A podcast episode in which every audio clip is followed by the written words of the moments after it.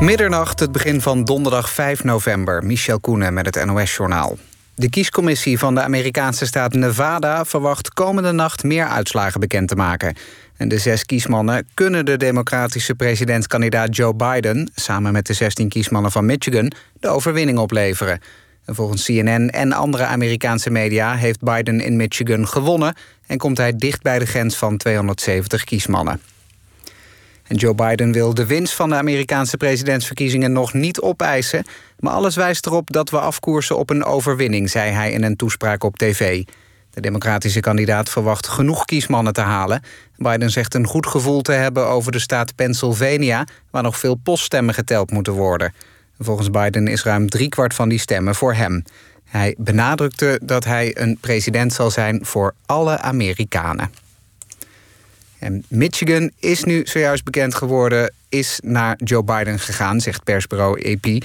Eerder heeft dus CNN al hem uitgeroepen daar tot winnaar. Ook BOA's in Amsterdam krijgen een coronabonus van 300 euro per persoon. De gemeente gaat die betalen. Amsterdam speelt met de uitkering in op het ongenoegen van de buitengewoon opsporingsambtenaren. Die zijn verontwaardigd dat ze geen recht hebben op de eenmalige bonus van 300 euro die het kabinet uittrekt voor politiemensen. De BOA's vallen daar niet onder, terwijl ook zij kampen met de werkdruk in coronatijd. In Amsterdam zijn ongeveer 450 BOA's. En Sevilla van spits Luc de Jong heeft in de Champions League gewonnen van het Russische Krasnodar. Na een 0-2 achterstand werd het 3-2 voor de Spanjaarden. De FC Barcelona van coach Ronald Koeman won met 2-1 van Dynamo Kiev. Club Brugge verloor in eigen huis met 0-3 van Borussia Dortmund. Het weer nog koelt vannacht af tot 0 graden in Limburg tot 5 dicht bij zee. Aan de grond kan het op veel plaatsen licht gaan vriezen. Daardoor kan het mistig worden. Morgen schijnt de zon regelmatig. Het wordt een graad of 11. Op plaatsen waar het mistig blijft, wordt het maar een graad of 8. Dit was het NOS Journaal. NPO Radio 1. VPRO. Nooit meer slapen.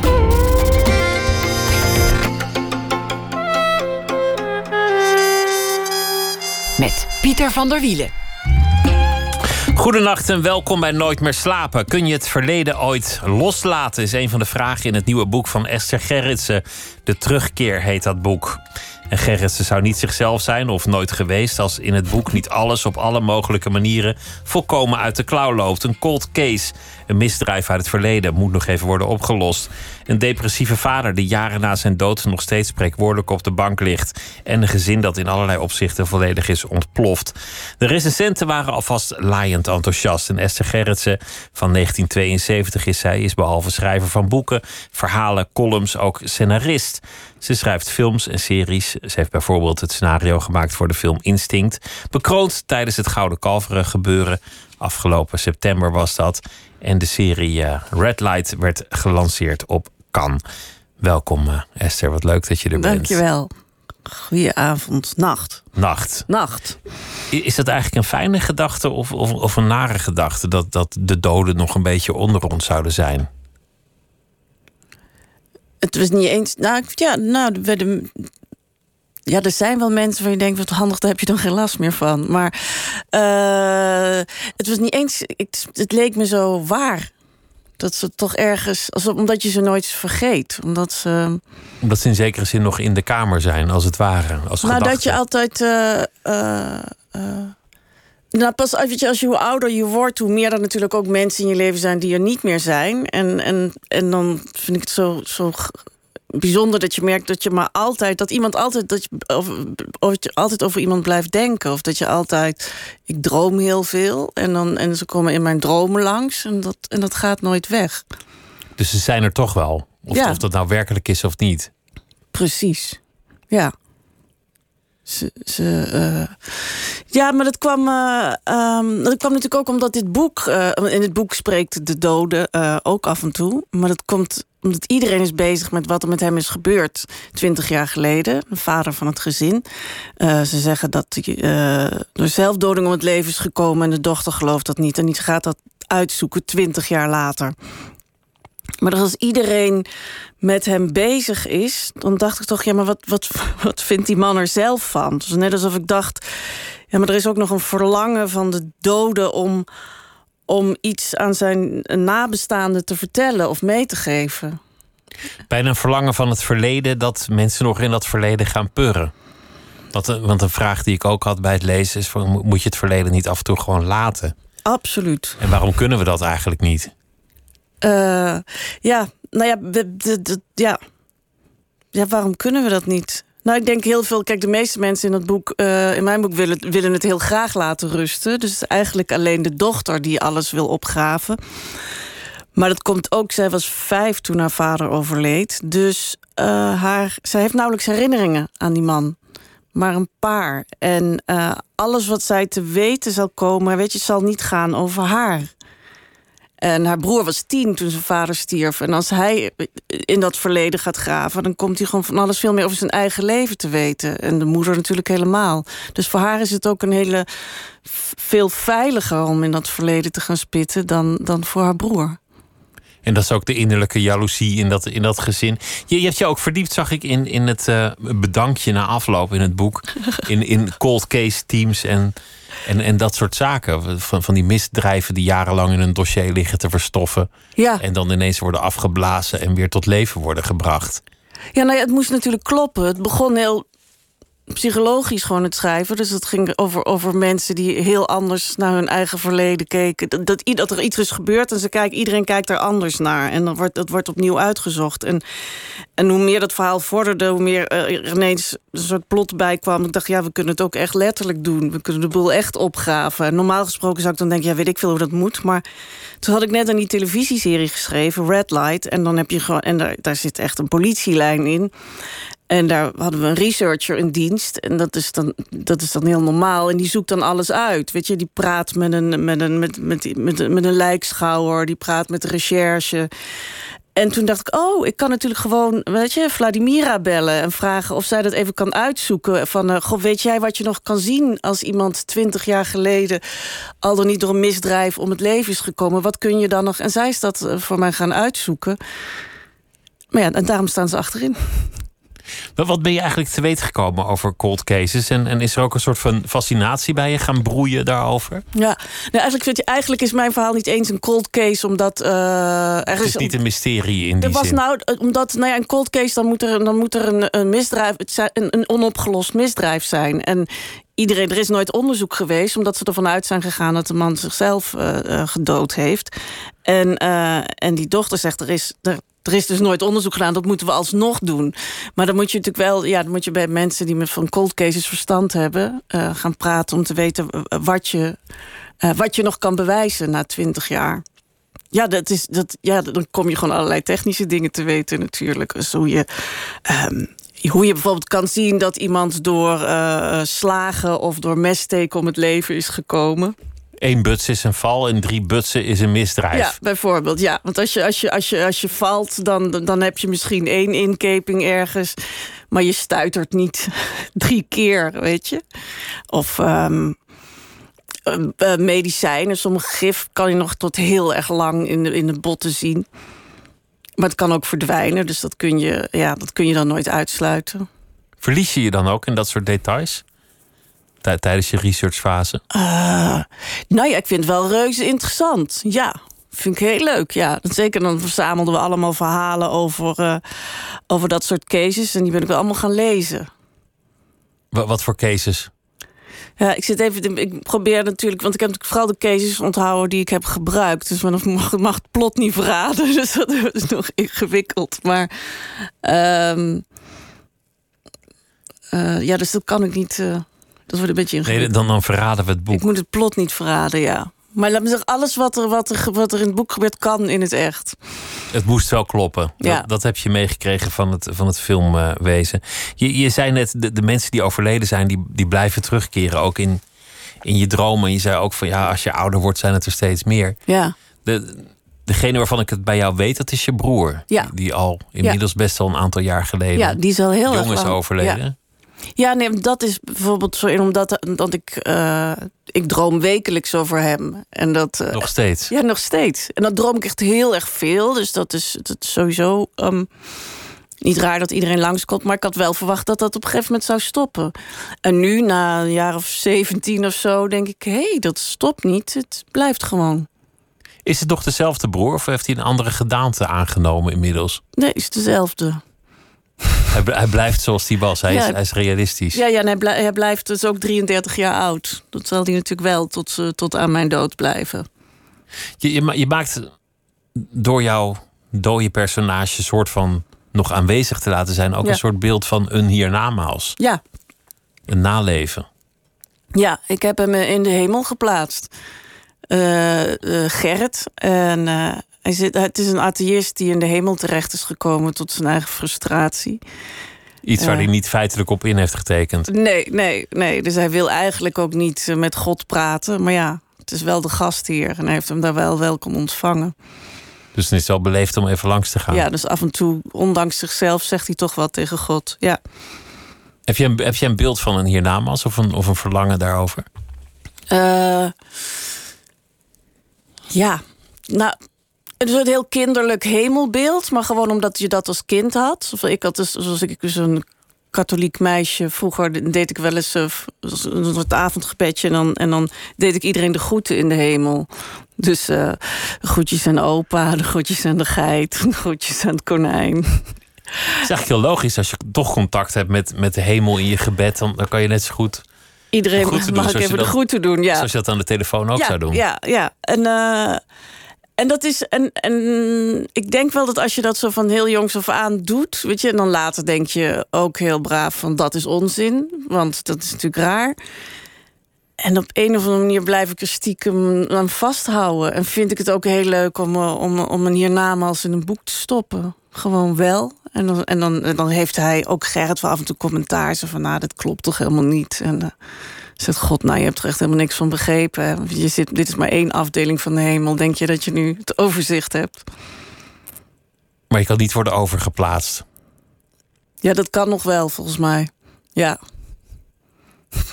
Wat is dat voor, voor hiernamaals met, met afdelingen? Nou, heb ik een Gerrit zit in het hiernamaals... waarin eh, alleen als de mensen aan hem denken... dan kan hij ze zien. En dan praat hij tegen ze. Niet dat zij dat horen, maar dan is hij aanwezig. Ehm, en dan denk ik denk dat iedereen zijn eigen hiernamaals heeft. Dus dit is eigenlijk alleen de afdeling Gerrit. Dat, dat vind ik wel trouwens een mooie gedachte, dat iedereen zijn eigen hiernamaals krijgt. Ja, Dat, dat iedereen ook het, ook het naar eigen hartelust ingericht krijgt en aantreft. ja. Of, of dus een ongevraagd hiernamaals krijgt, zoals, eh, zoals Gerrit. Ver- Verlang jij ernaar? Of ik bedoel, niet, niet verlang je ernaar van, want dat zou bijna betekenen dat je geen zin meer hebt in het, in het leven. Waarvan ik ervan uitga dat het, dat het allemaal wel goed zit. Maar heb je wel een soort verlangen dat dat er ooit zal zijn, een hiernamaals? Eh jij bent wel nieuwsgierig.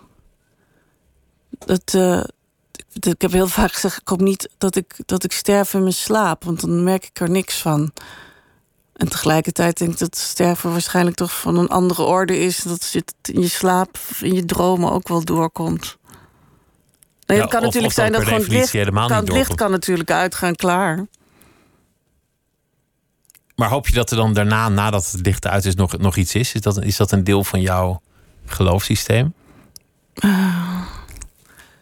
Ik, vind- oh, ik ben er gewoon nieuwsgierig naar. En misschien, ik weet, ik, ik weet eigenlijk, als ik als Drakenhart erop over praat, dan denk ik, zegt allemaal totale onzin. Maar ik vind het toch leuk om erin te geloven. En dat je iedereen, dat er iets anders komt hierna. Ja. Ja, dat zou, ook wel, zou eigenlijk ook wel leuk zijn, dat, dat er gewoon nog iets komt. Ik denk dat je, zou zoveel, je kan zoveel rare hemels verzinnen. Waarom niet? Tot, eh, ja.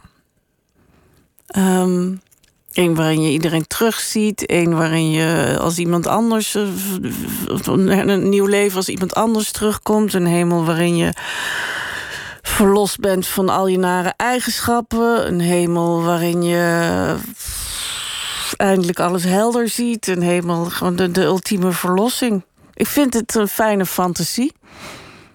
Dus eigenlijk is eh, geloof ook voor een deel dat je je fantasie serieus neemt. Ja. Ja. Dat is voor een schrijver ook een goede eigenschap om je fantasie serieus te nemen. Ja. Ja, het was ook. Ja, nogal. Ja, nee, dat, dat is ook het leukste. Ik bijvoorbeeld aan het katholiek geloof. Er zijn zoveel vreemde verhalen bij elkaar.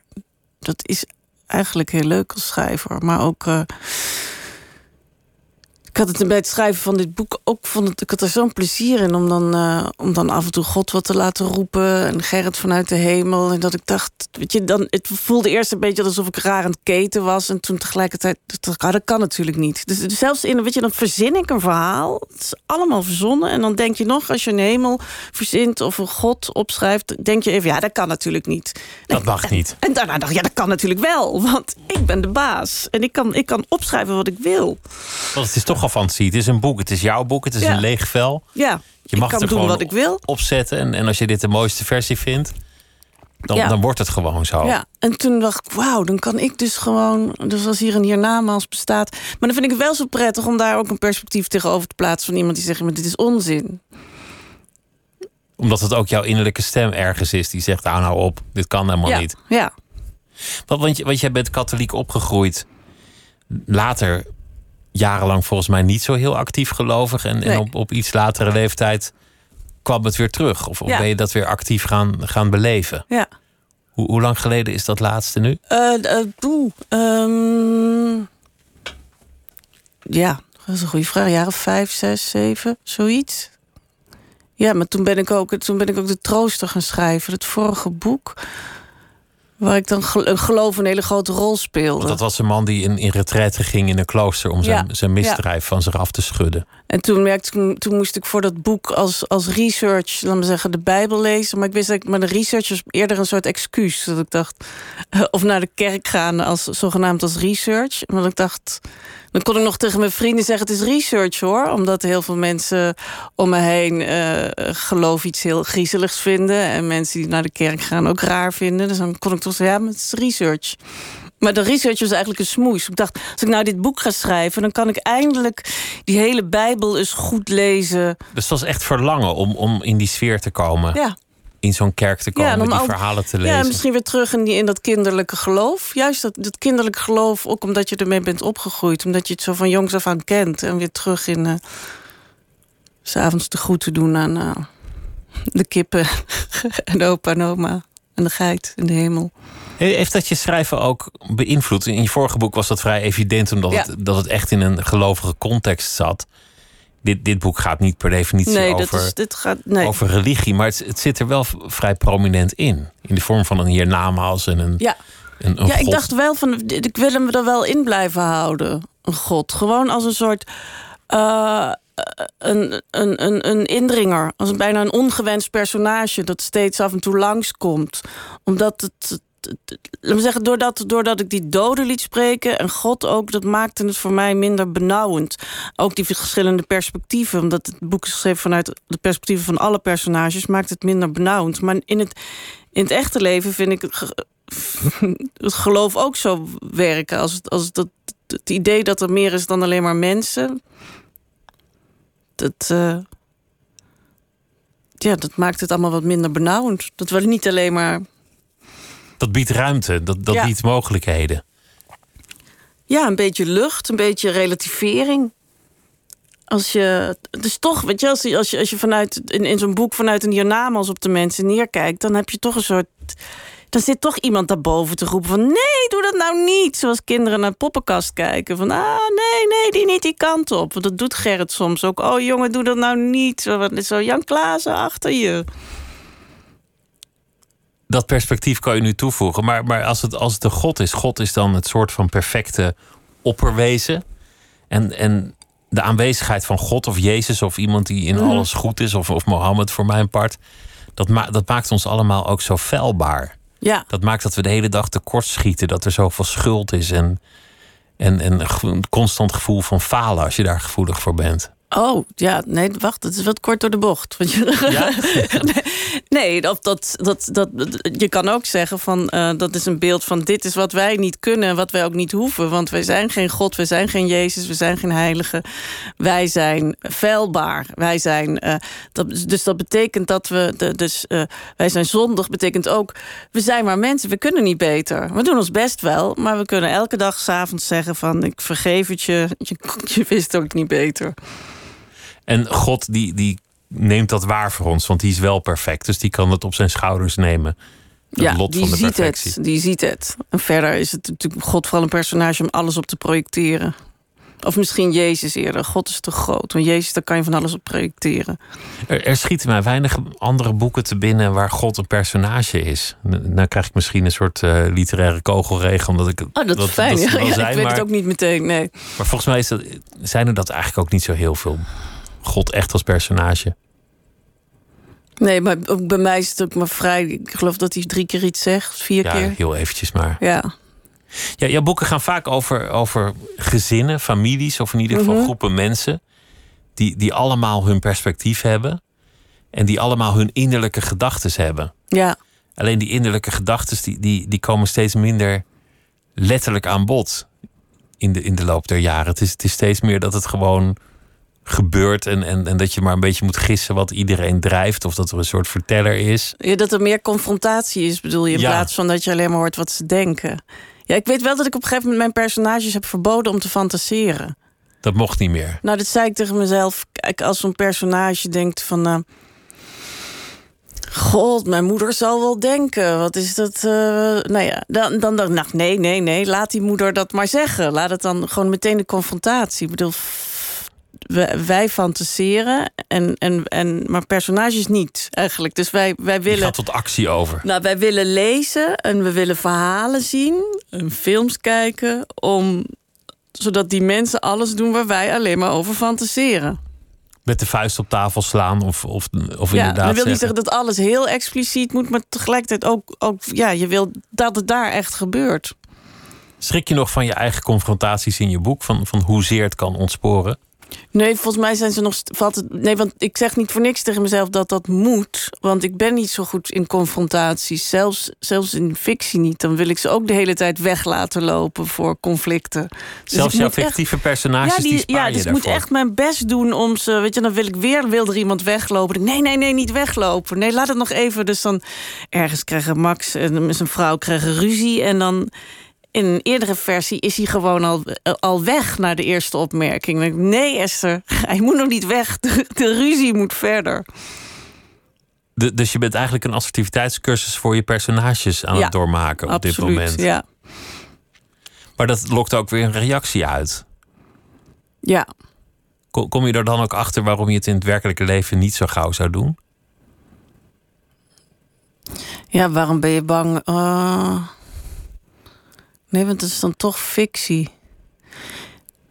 Het gek is dat ik denk dat in het, in het echte leven, als je dan conflicten probeert te vermijden en, en je, je, doet het, je gaat eens een keer iets wel aan, weet je, dan valt het altijd weer mee of het, eh, het wordt een soort anticlimax. En, en, en, en in een boek moet je zorgen dat het alleen maar erger wordt. Anders, anders wordt het een beetje saaiig boek. ja, nee, niet altijd. Maar je eigenlijk het liefst, het liefst, het liefst natuurlijk dat er iets onverwachts gebeurt. Eh, en soms het is eigenlijk het lie- het liefst om daarmee te variëren. Dus dat de ene keer wordt het alleen maar erg... en de andere keer hoort iemand het niet eens.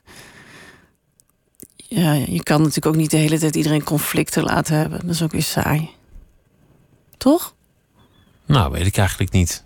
Ik zat vannacht de verkiezingen te kijken. Toen dacht ik bij zo'n Donald Trump. We zouden allemaal ook wel iets van de man kunnen leren. In, in de zin van, van hoe zelfvertrouwen toch altijd heel veel teweeg brengt.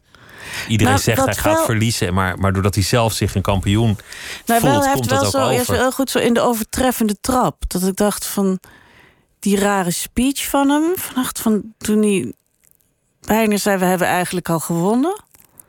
Dat ik dacht: je kan, je kan steeds maar weer verder gaan. Waar stopt dit? Dit stopt niet. Iedere keer dat je denkt: Het kan niet erger worden.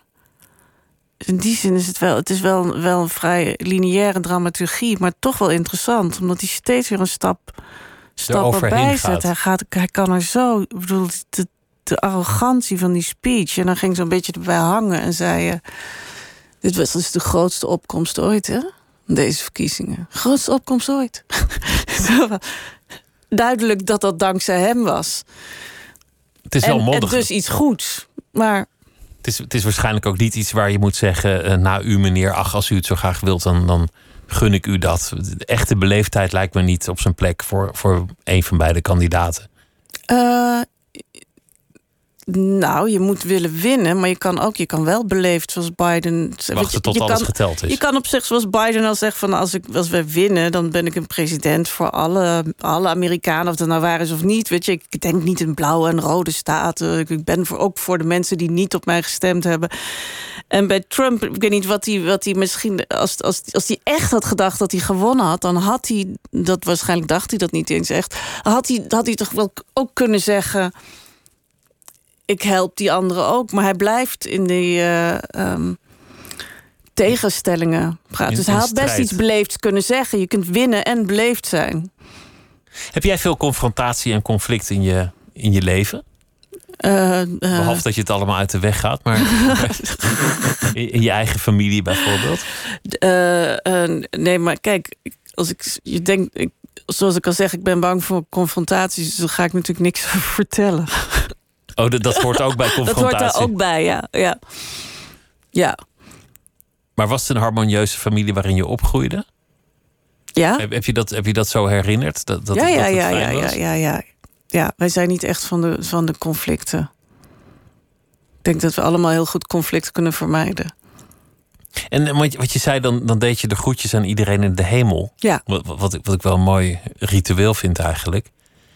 Ha- Had je dan verder ook een rijk fantasieleven to- toen je klein was? Was het, was het toen al dat je je Ja, fantasie ja, en ik had- serieus nam? Ja, ja, ik had op een gegeven moment een soort magisch denkspel. Dat, dat liep wel een beetje uit de hand. Dan, eh, dan, dan, eh, eh, dan weet je, dan moet je bijvoorbeeld binnen 10 seconden bij de volgende lantaarnpaal zijn met je fiets. En als dat niet lukte, dan moest ik een fout naar de hemel zenden. En anders moest ik een goed naar de hemel zenden. En ik moest daarbij ook omhoog kijken. En dan zag ik een soort God met, met, een, met, met Petrus, maar het was een soort Sint-Klaas en Piet, zo naast elkaar. Maar dan, en die zag ik dan op een soort krijtbord bijhouden wat mijn score was. En dan. En, bijvoorbeeld, en dan zei ik, ik moet binnen 100 tellen in slaap vallen. En dan stuurde ik vast een eh, goed naar de hemel. Want dat kan je natuurlijk niet doen als je in slaap bent gevallen. En als ik na 100 tellen dan niet in slaap was gevallen... dan deed ik fout fout naar de hemel, zodat het weer was opgeheven. En ik keek daar wel bij de hele tijd omhoog. En toen op een gegeven moment zei mijn moeder... waarom kijk je toch steeds omhoog? En toen heb ik, dacht ik, dan ga ik nu in mijn fantasie omhoog kijken... als ik een goed of een fout naar de hemel zend. Dus dan neem je je fantasie eigenlijk al serieus op dat moment. Ja, maar wat er nou verder... Maar dan toch alsof we dan... Als ik dan in de hemel kwam, dan was het score. Dan was daar een score. Mijn uiteindelijke score. Niet dat ik dan wist wat daarmee gebeurde, maar... Ik ben er gelukkig wel mee opgehouden. Ja, het is ook vermoeiend. Nou, heel soms zit hij nog wel als ik dan iets... Ja, zit goed, goed, fout, fout. Goed, goed, fout, fout. Je, je hebt één personage in je boek die, die de schuld krijgt van alles en altijd verkeerd begrepen wordt. Ja, Die eigenlijk het goede doet, het leed van alle anderen ja, op de Ed. schouders krijgt, maar, maar dan wordt het als irritant ervaren. Ja, om Ed helpt. Om Ed helpt graag en die helpt iedereen. En, en niemand kan geloven dat daar niet iets achter zit. Dus daarom Dat hij geen ik- kwaaie bedoelingen Ja, heeft. ja ze, dat het vertrouwt niemand. Het cynisme van, van de moderne tijd. Ja, sowieso het cynisme. Ik denk dat dat eh, een soort Jezus. Die werd, die geloofde werd ook niet niemand. geloofd. Het werd toch ook niet geloofd, nee. Nee, dat is later wel stevig ingehaald. Ja. niet geloven. Ja. Nee, dus dat is oom Ed doet gewoon het goede, maar niemand gelooft het. Zijn het allemaal aspecten van, van jezelf? Al die, al die personages of dingen die je zelf Ja, om, tegenkomt? om Ed misschien wel het minst. Helaas. Maar de rest ja, zeker. Als ik. eh,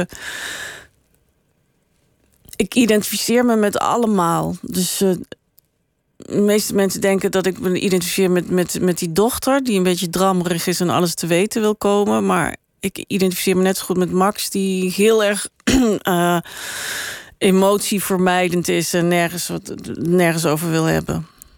Dat is ook zo fijn dat je dan al die kanten kan laten zien. Van, van een persoonlijkheid of van, van mensen? Van hoe je, ergens, ja, hoe je daarmee omgaat. Eh, ja, want er zijn, weet je, ik dacht vroeger altijd dat ik altijd alles wilde weten. En dat ik helemaal niet eh, ehm, eh, bang was om dingen te weten te komen. En ik kom erachter hoe ouder ik word, hoe meer hoe, hoe emotievermijdend ik ben. Of hoe ik probeer. Ik vind het leuk om, om, om het verleden van andere mensen te onderzoeken, maar liever niet het van mezelf. Om daar weg te blijven. Ja. W- wanneer had je eigenlijk door dat, dat fantasie iets kon zijn. Dat het niet alleen maar een soort geheime parallele wereld was. Dat, dat je niet alleen maar fantaseerde over, over een god of over het goede of over wat dan ook. Maar dat, dat, dat je het ook de wereld in kon sturen in de vorm van een verhaal of een boek. Nou, dat deed ik altijd wel. Maar echt de. de, de eh, ik weet wel eens mensen dat over de kracht van de verbeelding en het mooie van de fantasie, dat ik nooit zo goed eh, begreep wat daar nou zo mooi aan was. Misschien ook omdat ik er vaak ook alleen maar last van heb. Maar ik de laatste jaren dat ik ehm, heel erg veel plezier heb aan mijn eigen fantasie. Dat als ik in bed lig, dat ik ga denken aan mijn personages. Alsof ik, alsof ik virtueel met een poppenhuis aan het spelen ben. Dus dan ga ik zo, denk ik ook, ga even, ik ga even het boek na of de film na. En ik, oh, dan doet hij dat. Ja, doet hij dat. Ja, dat is ook leuk. Ja. En dan, en dan hoef ik niet over mijn eigen leven na te denken. Want daar kom je meestal, eh, ben je daar veel minder vrij in, in die gedachtes. Dan wordt het meer een dwangmatige gedachte die terugkeert. Ja, ja, het is veel, veel moeilijker om. En, en als je, dus ik vond het, kan het zo heerlijk vinden om in bed. Dan dacht ik, ik ga naar bed en dan ga ik, ga ik liggen. Ga ik, ga ik serie, ik weet je, aflevering 6 ga ik eh, in mijn hoofd afspelen. nu gebeurt er dit en dan dat en, Ja. en, en et cetera. Er zit één, één scène in dat, dat de depressieve vader echt vanuit zijn depressie nauwelijks nog kan lopen. Ja, En het toch zelf wil doen en dan over de grond kruipt op zoek naar iets te drinken. ja, En, en, dat, en dat lukt helemaal niet. En dat is op, op heel veel manieren een, een, eh, een keerpunt in alle levens dat Ja. dat gebeurt. Een heel dramatisch moment. Eh, heb jij zelf ervaring met, met depressie? Heb, je- heb je dit beschreven vanuit iets wat, wat je hebt gezien of kent? Eh, ja, ik heb wel ervaring met dat het, dat het heel slecht kan gaan. En ik ken heel goed het gevoel dat je, dat je echt niet wil opstaan. Dus dat je echt dat je. Dat je bij elke handeling denkt: Mijn hemel, wat, wat een werk. bent. Wat een werk. Ja, dat je bij alles denkt: alle handelingen die het kost om uit je bed te komen en, en, en naar een wastafel te lopen. En eh, en ik dacht, ik vond het heel fijn. Dacht, dan ga ik nu eens een keer helemaal opschrijven hoe erg dat is. Hoe, hoe onmogelijk het is om op te staan. Het is echt, echt een, gruwelijke scène in die zin. Dat, dat iemand zo onderuit gehaald kan zijn. Ja, ja. Ja, en toch was het dan, weet je, het is zo, als je het opschrijft, is het. Als ik nu denk van, oh, ik moet er niet aan denken om op te staan, dan stop ik die fantasie in het echt. Dus als ik Dan kap je dat voor jezelf kap meteen dat af. af, denk ja, die gedachten kennen we, daar gaan we niet in. Zo gaan we het niet doen. Ja, want terwijl ik echt gewoon heel goed weet, weet je, ik weet hoeveel handeling. Ik weet gewoon opstaan, tanden poetsen, haren kammen, lenzen in, eh, make-up. Nou, nou, nou, nee, nee, eerst, eerst crème, dan de. Nou, ah joh. Maar, het is, maar de, iedere keer als ik daarin ga, denk ik, nee, stop. En dan, en dan kon ik dat in het verhaal even echt helemaal doen. En als ik dan zat was, kon ik ook weer iemand anders daarnaar laten kijken en denken: oh, alsjeblieft, man. eh, vraag dan gewoon om hulp of alles behalve dit. De, de ergernis van mensen eh, om, om, om dat te moeten toezien, ook al, ook al mag je er geen oordeel over hebben. Als om- omstander van de ziekte mag Ja. dat natuurlijk niet. Ken je ook de, de omgekeerde kant, het, het, het manische? Dat het, dat het juist een en al euforie is en dat je juist te veel energie hebt en dat, het- dat, dat, dat je nooit meer lukt om op de bank te gaan liggen. Ik kan ook heel, heel, heel uitgelaten zijn, ja, maar niet. ehm, eh, ja, maar dat. Nou ja, moet je ook, moet je ook op tijd stoppen. ja, maar ik kan wel, je, door de adrenaline, dat je echt denkt dat je, dat je alles Dat kan je ook zelf stoppen met je gedachten. Kan je ook nou, zeggen, dat kan en je ook. kappen. Ja, weet je, als, maar ik weet ook, weet je, dat je, als je, als je op bepaalde dingen gaat denken of ergens enthousiast van wordt. En ik kan ook in bed liggen en dan, en dan gaan denken, oh, dit, en dan weet ik, oh, doe die- maar niet, want dan ga je niet slapen. Echt de baas over je eigen gedachten. Ja, dus ik heb wel een behoorlijke draaiboek, nee, hoe zeggen ze, een soort gebruiksaanwijzing van, nee, die gedachte niet, heb andere weg. Doe, je dan, doe je dan ook een pilletje erbij? Of Een pilletje voor het slapen. nee, ik bedoel medicijnen om, Oh, zo, ja, allemaal... ik, oh ja, ik slik sowieso medicatie, ja. Om een beetje zo de, de, de, de, het plafond en, eh, en de bodem eruit uit te halen. Nee, wat eh, naar elkaar toe te brengen. Om alles een beetje te dempen en Ja. te, te, te temperen uiteindelijk. Ja. Wat, wat is je meest manische periode geweest? Oh je- jeetje, nou ja, ik, ik vind manisch wel een groot woord, maar ik denk wel. Toen ik. hmm, toen ik net gescheiden was, maar dat was alles. Was alles anders. Hoe oud was je toen? 40.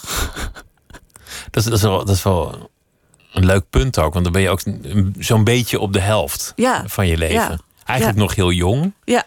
Maar, maar al misschien niet Ik jong in nog dat ieder ik toen opzicht. dacht van, goh, ik kan nu... ik, kan dus met, ik kan dus met een man van 20, maar ik kan ook met een man van 60. Want ik ben zo'n beetje... Een heel groot midden. bereik. Dus ik heb nu een heel groot bereik. Ik kan echt... Vond ik zo grappig. eh, Midden in het leven. dat zou, zou bij allebei... Ja, men zou even wenkbrauwen fronsen met een jongen van 20. Maar het, het kan. En iemand, iemand van 60 kan ook. Dat vinden we normaler dan. Dat kan ook prima. En dan dacht ik... Ik weet niet dat ik dat dacht op mijn 40ste. Jeetje. Toen, toen schreef je ook echt heel veel. Je schreef, je schreef columns voor de, voor de VPRO-gids, maar ook wel korte verhalen. En dan bijdragen aan allerlei bundels van allerlei aard. Toen, Ja. toen, toen werkte je wel echt heel veel. Je, je Eh. schreef ook eigenlijk over. Ja, niet over al die jongens van 20 en 60, maar best wel veel over je leven. Ehm, nou, ik weet niet. Ja, mijn columns gaan meestal. Die zijn wel echt over mijn momenten in mijn eigen leven. Maar verder heb ik zoveel over mijn leven. Ja, ik, schrijf, ik werk altijd wel zo. veel. Ja, ik schrijf wel veel. Ja, dat is, er zijn wel wat stukken uit die tijd, ja. Maar ik heb altijd, ja, een ook soort, wel een soort, soort hyper van... ik moet, ik moet mijn eigen geld verdienen, ik moet mijn eigen geld verdienen. Dat je op alles ja zegt en bang bent dat, dat je het anders niet redt. Maar Een soort freelancersmanie eigenlijk. ja, laten we gaan luisteren naar eh, eh, Otis Redding. Om, omdat het gewoon ook altijd leuk is. Met I've Got Dreams to Remember. En eh, voor, voor wie inschakelt, Esther Gerritsen zit hier over het boek De Terugkeer. I've got dreams, dreams to remember.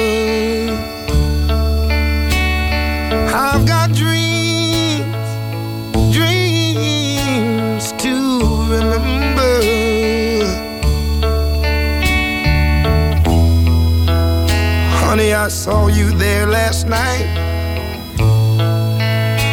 Another man's arms holding you tight. Nobody knows what I feel inside. All I know, I walked away and cried. I've got dreams, dreams to remember.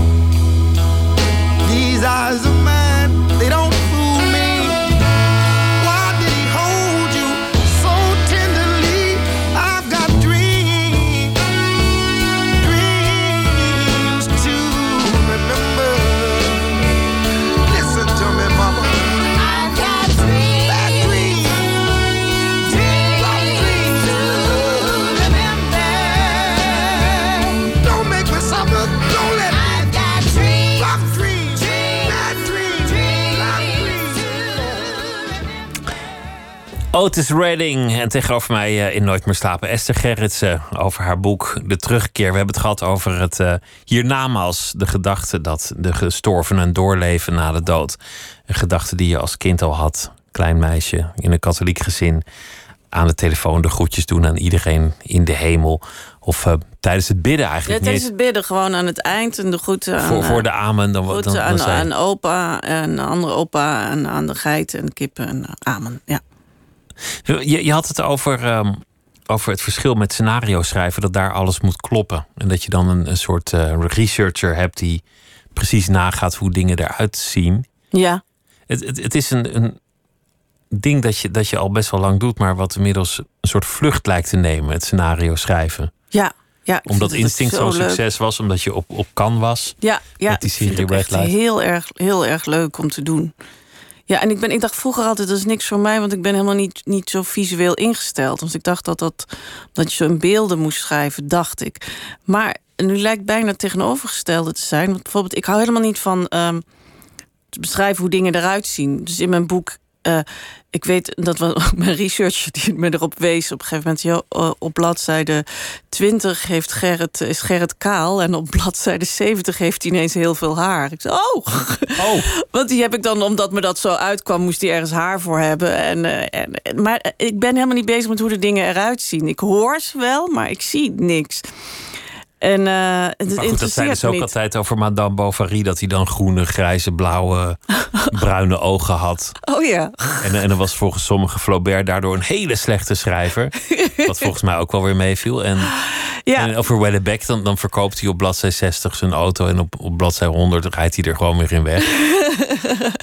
Ja, nee, maar ik heb het dus ook echt. Ik, zie- ik zie de, dingen voor me. En wat zo fijn is op bij, bij een scenario schrijven, dan, dan, dan moet ik zeggen van, weet je, dat belangrijk voor het verhaal is dat iemand bijvoorbeeld eh, eh, in een rommelige kamer zit, maar hoe die er dan precies uitziet, dat hoef ik verder niet te beschrijven. Weet je, dat doet de setdresser, doet de regisseur, doet een, allemaal andere mensen. Ik, ik doe de dialoog, ik doe de psychologie, de setting, zo. Eh, en, maar ik hoef niet die, die, dat laatste ding van eh, hoe ziet die voordeur eruit en welke planten staan er in de tuin. En ik heb zelf ook een heel erg hekel aan van die boeken dat je dan iemand de tuin in komt lopen en dat eerst die hele tuin omschreven wordt voordat iemand binnenkomt. En ik, oh alsjeblieft, kunnen we gewoon beginnen. Ja. Vertel nou maar wat, wat hij gaat meemaken, wat hem op scherp gaat zetten. Ja, en bij, en bij scenario schrijven is dat precies wat je moet beschrijven. En, eh, en, en iemand, en dat zullen, er zullen ook scenario schrijvers zijn die het anders doen hoor. Maar de, ik, ik doe het zo en dan hoef ik dat niet te doen. En iemand anders maakt dan zo'n tuin. Maar je moet ook heel veel dingen openlaten. Want Carice van Houten weet wel hoe, hoe ze moet kijken en hoe ze moet lopen. Ja.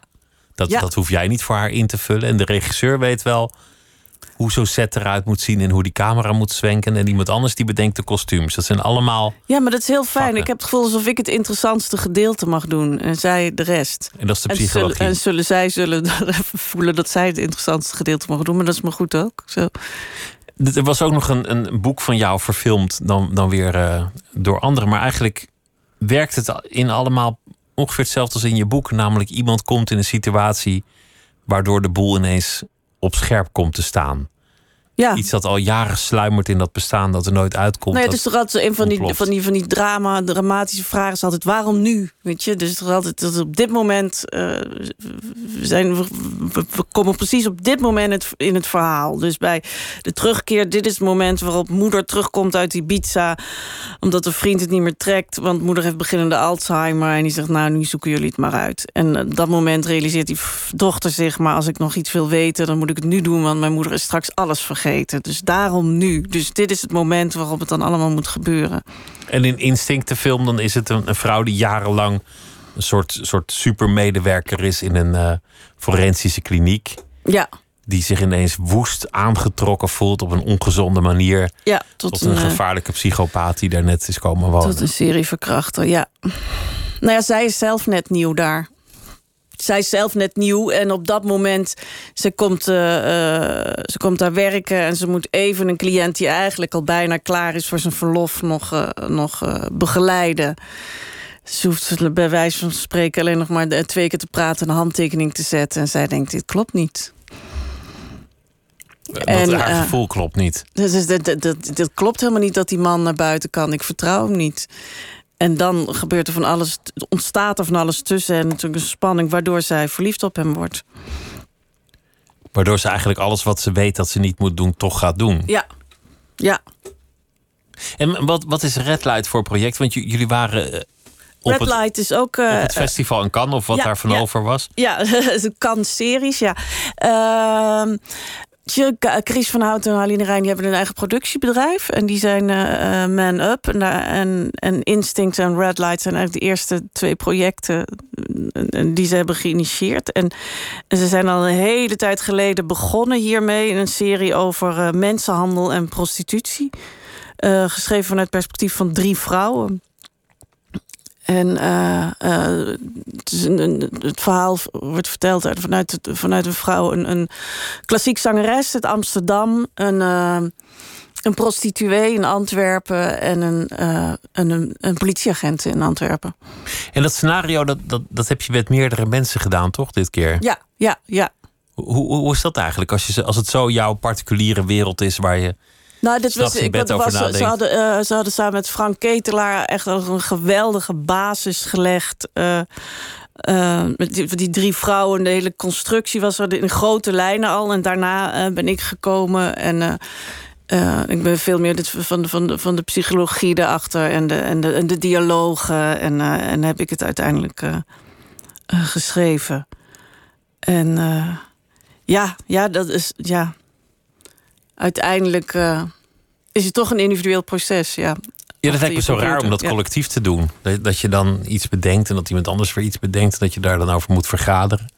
Eh, ja, Dat dat lijkt me is zo ook, totaal anders. ja, dat is ook wel ingewikkeld. Ja.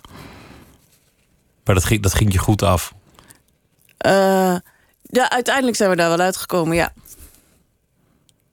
Hoe, hoe was het eigenlijk om, om dan ineens daar rond te lopen... op, op dat, de, de Cannes-series editie in, in, een, in een soort totaal verlaten corona-omgeving... maar toch in een, in een gala-jurk... omdat het, dat het plaatje er goed uit moet zien tussen... ja, ja, ja. de beroemde actrices die nog konden komen... omdat dat de hele werelddelen natuurlijk niet meer konden komen. Nou, het was toch heel erg leuk. Maar ook omdat we, dat je dan met een klein groepje mensen bent. Dus we waren daar met de regisseurs. Dus met, met Halina die, en, eh, en de regisseurs. En dan, ehm, ja, dan is het is ook leuk om elkaar eens te spreken. Wat vaker en langer. En dan samen de interviews te doen. En eh, al die ongein op de loper met foto's. Het is gewoon een klein feestje. Toch gewoon pret was het uiteindelijk voornamelijk. Ja. Ja, pret. En, en je, dan werden de eerste twee afleveringen getoond op een heel groot scherm. Dat was echt heel gaaf om te zien. Hoe het geworden was, want dat Ja. had jij ook nog niet gezien. Nou, ik had wel gezien, maar nog net niet de allerlaatste details dat het af was. En, en alleen thuis op mijn laptop. Dus dat was wel eh, indrukwekkend. Je zei, ik, ik doe vooral de psychologie, want, want dat is misschien wel in al jouw boeken Mhm. wat, wat terugkeert, dat het, dat het heel psychologisch is.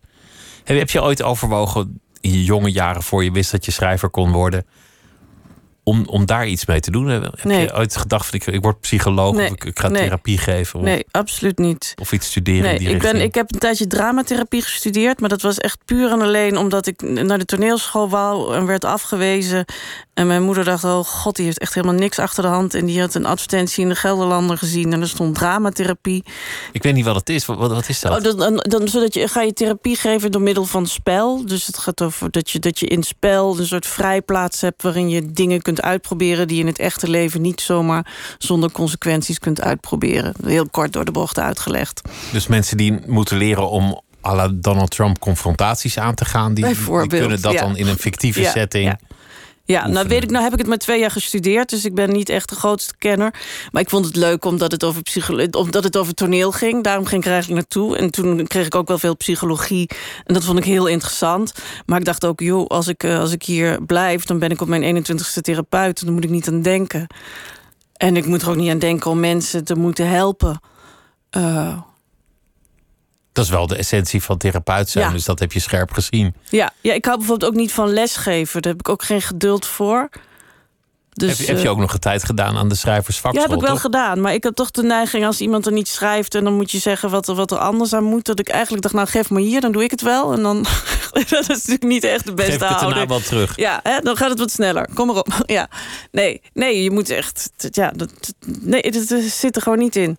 En, en waarom wilde je eigenlijk acteur worden? Wat, wat was dat voor ambitie? Eh, heel kinderlijk dacht ik vroeger... dan hoef ik ook niet te kiezen wat ik, wat ik word. Want dan kan ik, alles, kan ik steeds iets anders spelen. Nou ja, een beetje naïef. Oh, dan kan je alle rollen en ja, gedaanten ja, aannemen. ja, dan kan ik alles eh, zijn. Wat je nu als schrijver eigenlijk ook kan. Ja, nou, dus zo voelt het wel. Als ik weet in scenario en, en in romans... dat je dan toch alsof je de hele tijd in iemand anders aan het inleven bent. Dus, dus als die dialogen, die zit ik dan toch vaak een beetje te- hardop te mompelen... Of, of de bekken bij te trekken die bij het personage horen. En eh, er toch in te leven. Dan denk ik, oh ja, hoe zou je dan... Wat, wat, wat, wat zegt hij tegen zichzelf? Ach, ja, natuurlijk, dat denk ik, ja. En dan het is toch alsof je aan het improviseren bent in je hoofd als, als, ja, als acteur. En eh, ik, ik, weet niet, ik vond het, ik vond het als puber, weet je, toneel spelen en op toneel staan, dat leek me dan wel leuk. Maar ik weet, uiteindelijk zat ik in Utrecht op theateropleiding en na een jaar eh, dramales dacht ik, oh nee, dit, dit nooit. Waar- waarom dacht je dat? Ging ik vond niet? dat dan moest, je, dan moest je een lokaal binnenkomen en doen alsof je de zee zag. En dan dacht ik, het was, het was allemaal helemaal niks voor mij. Ik zit veel te veel in mijn hoofd. Eh, ehm, ja. Ik, ik, ik weet het, ik kon het gewoon ook niet. Ik Ja. vond er niks aan. Ik, eh, en, en, en er was daar, ja. Dus, eh, ik, ik wilde wel dingen maken. Ik vond het wel leuk om iets te verzinnen en het dan, dan, te, gaan, dan te gaan doen op toneel. Maar dan ook meteen, nog niet iets vertellen direct, maar al dat dus zintuigelijke spel en dan, eh, ja. Doe eens alsof je een vloerkleed bent en dat soort dingen. Nou, weet je, ik heb ooit auditie gedaan in, was het in Leeuwarden en toen moesten we de, de, de brons, waren we dieren moesten we spelen en toen was het en nu is het de bronstijd, zei die leraar. Maar hij bedoelde de brons, dat ze bronstig werden, de dieren. Oh, en jij dacht gewoon de kopertijd, de bronstijd. Ja. En ik denk, hoe doe ik nou toch in godsnaam een dier na uit de bronstijd? Dus ik probeerde een soort te lopen als een heel oud, ouderwets dier. En iedereen begon heel raar te doen en tegen elkaar op te rijden. En ik dacht, waarom doen die mensen dat toch zo raar? Of het een heerlijk misverstand is dat trouwens. Die was er wel gedacht hebben. Wat, heeft, wat doet dat meisje daar in binnen? Zo- Ik ging er zo. Alsof je je voorstelt een soort- soort logge dinosaurus. Die dan. Ik, ik dacht ook, ik vind dat een onmogelijke opdracht. Ja, dat, dat is het eigenlijk ook wel. Wat, wat was eigenlijk je eerste verhaal dat het licht zag? Dat, dat werd gepubliceerd, dat, dat gedrukt werd ergens. Eh, dat was in, in literair tijdschrift Zoetermeer. Had het ook iets met de gemeente Zoetermeer te maken? Nee, of, nee, ik weet niet waarom ze dat vonden. Volgens mij vonden ze dat het toppunt van droevenis Zoetermeer. En dat het daar, ik geloof dat het was zo'n generatie niks eh, tijd. Die, eh, eh, ja, en dat, dat, eh, dat was toen opgericht voor mij door Ronald Giphart, en Joris Moon zit hij, en Menno Wigman en Rob van Erkelens. En dat vonden wij zo cool. Dat was echt zo'n super cool Maar tijd. dat is, wel, dat is wel mooi, want dan, dan, dan kan iemand een maand glunderen van trots dat, dat het verhaal erin staat, terwijl dat blad misschien door, door Nou, dat was 30 dat man was, wordt gelezen. Nou, nou, nou, dat, dat blad dat was uitverkocht. En dat was toen op een gegeven moment ook het eerste literaire tijdschrift ooit dat uitverkocht. Want dat was eventjes heel maar, maar erg was dan hip. een heel kleine oplage? Of ben ik zo cynisch? Nee. Nee, ja, nou, het was, het was toen, dat weet ik niet, mijn beleving, dat was toen heel erg hip. Ja, dat Zoetermeer, dat was het helemaal. Nee, dat was zo in de tijd van, van, van eh, ja, generatie Douglas Coupland, eh, eh, generatie X, niks. En, alle, en, en, en, wa- nou, en, en daar had ik mijn verhaal opgestuurd over Hoog Katerijnen. Daar had ik een verhaal over geschreven. In het tijdschrift Zoetermeer, dat, dat is wel veel droefenis bij elkaar. Ja, absoluut, ja. ja. En dan, had je eh, toen het idee, nu ben ik schrijver, nu, nu kan alles? Nu... nou, ik dacht toen ik, toen ik bui ik dacht dat mensen het aan me konden zien, echt. En ik weet dat toen zat. ik vond het er allemaal, eh, ja. Dus zo jammer, dat gevoel krijg je nooit meer. Ik dacht echt, ik steeg echt op. Van dat ze mijn verhaal hadden uitgekozen, gepubliceerd. En toen, en ik zat op voetbal. En dan was ik me aan het omkleden in de kleedkamer. En dan dacht ik, ik hoop dat er zo een aanleiding komt. Dan gaan ze me iets vragen en dan kan ik vertellen dat ik mijn verhaal heb gepubliceerd in Zo Zoetermeer. trots. Maar ja, al was het ter sprake gekomen, dat had natuurlijk op helemaal niemand indruk gemaakt. Want dan moet je het blad kennen en dan, nou ja. Het, het mooie is in jouw loopbaan dat je, dat je elke twee jaar of zo een boek maakt. Mhm. En, en dat, het, dat het gaandeweg zijn publiek vindt. En, en verfilmd wordt en, en lovende recensies krijgt. En, en inmiddels hangt je, hangt je beeldenis in abris door het hele land. En in de etalage van, van boekwinkels. Wat, wat natuurlijk wel cool is. Maar dat, dat je eigenlijk gewoon heel geleidelijk je eigen publiek hebt, hebt gevonden. Ja. Ja. Heb, heb je ook een soort beeld van je schrijverschap of dat soort dingen? Of, of zie je het allemaal niet zo plechtig? Ehm, nee, maar je kan niet echt een beeld. Een beeld van je eigen schrijverschap. Nou ja, van die mensen die dan een overzicht van hun oeuvre hebben en, en van, hun, Oh, zo. van hun richting in hun werk en dat soort dingen.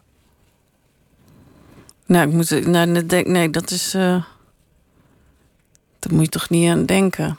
Toch? Het overzicht over je leven. Het klinkt als een, een fotoalbum of een plakboek. Dan gaan we nu alles bij elkaar. eh,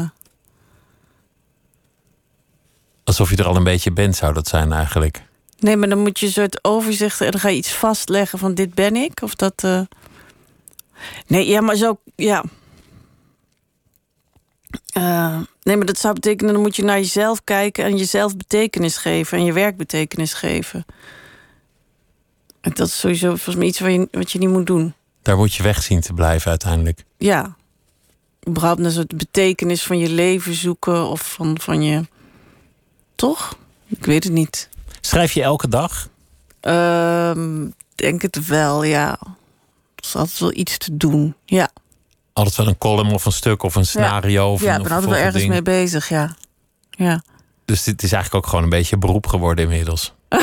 Ik heb wat anders. Het is een beetje een beroep geworden. Ja, toch? De, gewoon van de negen uur moet weer, oh, dit Wat moet dacht af. je wat, het, wat, dan, wat zou het anders moeten zijn? nou ja, hoge kunst en een, roeping en een levenswijze. Maar het is natuurlijk oh, op een dat is gegeven ook moment ook... zo. Het kan toch allebei zijn? Ja, ja, dat kan nog steeds. Het is een levenswijze, een roeping en een beroep. Een Maar de- beroeping. Maar er is Ja. ook elke dag wel een deadline van, van moet Oh zo, ja nee, maar dat, nee, nee, niet alleen maar daarom. Maar omdat er altijd wel iets is waar ik dan waar ik mee bezig ben. Of dat, waar ik over wil schrijven. Of er is altijd een verhaal wat loopt. En ik nou ga even hier aan verder werken. Nu ga ik weer daaraan verder werken. Dus het is niet alleen maar omdat er een deadline is. Gelukkig. Wa- Wanneer is dat, dat red light eigenlijk te zien in, eh, Februari. in februari? En, en dat komt op de. In Nederland, ja, en in, in België. Het is net een Nederlands-Belgische productie. Het komt gewoon op de televisie, de traditionele. Ja, op de televisie, ja. Op de televisie. op de echte televisie. Nou, dank dat je, dat je langs wilde komen. Het was me eh, genoeg om met je te praten, Esther Gerritsen. Het eh, boek heet eh, De Terugkeer. En de reeks Red Light is dus vanaf februari te zien in Nederland op de televisie. Dank je wel dat je er wilde zijn. Het was een genoeg om met je te praten, wederom. Dank je. Dankjewel. En Nooit meer slapen is ook te beluisteren als eh, podcast via de site van de VPRO, vpro.nl slash eh, Nooit meer slapen of via iTunes. En morgen dan zijn we er weer en dan eh, gaan we praten met Thomas Akda, want die heeft voor de tweede keer een roman geschreven, Scenario. Dat gaat over een man die op een cursus scenario schrijven in New York allerlei dingen over zichzelf en de wereld te weten komt. En Thomas Akda is natuurlijk ook nog bekend als eh, muzikant. Vele hits gemaakt. En straks kunt u luisteren naar Misha Blok en haar eh, hoedanigheid als Miss Podcast. Ik wens u allemaal een hele goede nacht en graag weer tot morgen.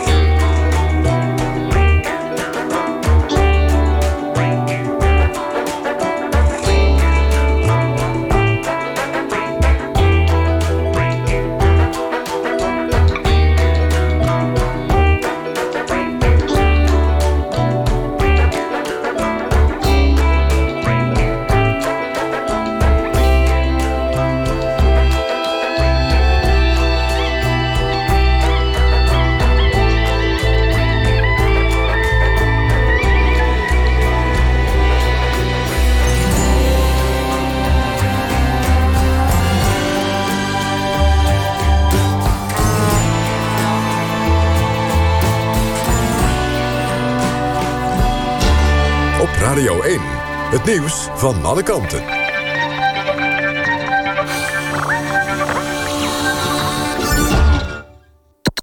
NPO Radio 1.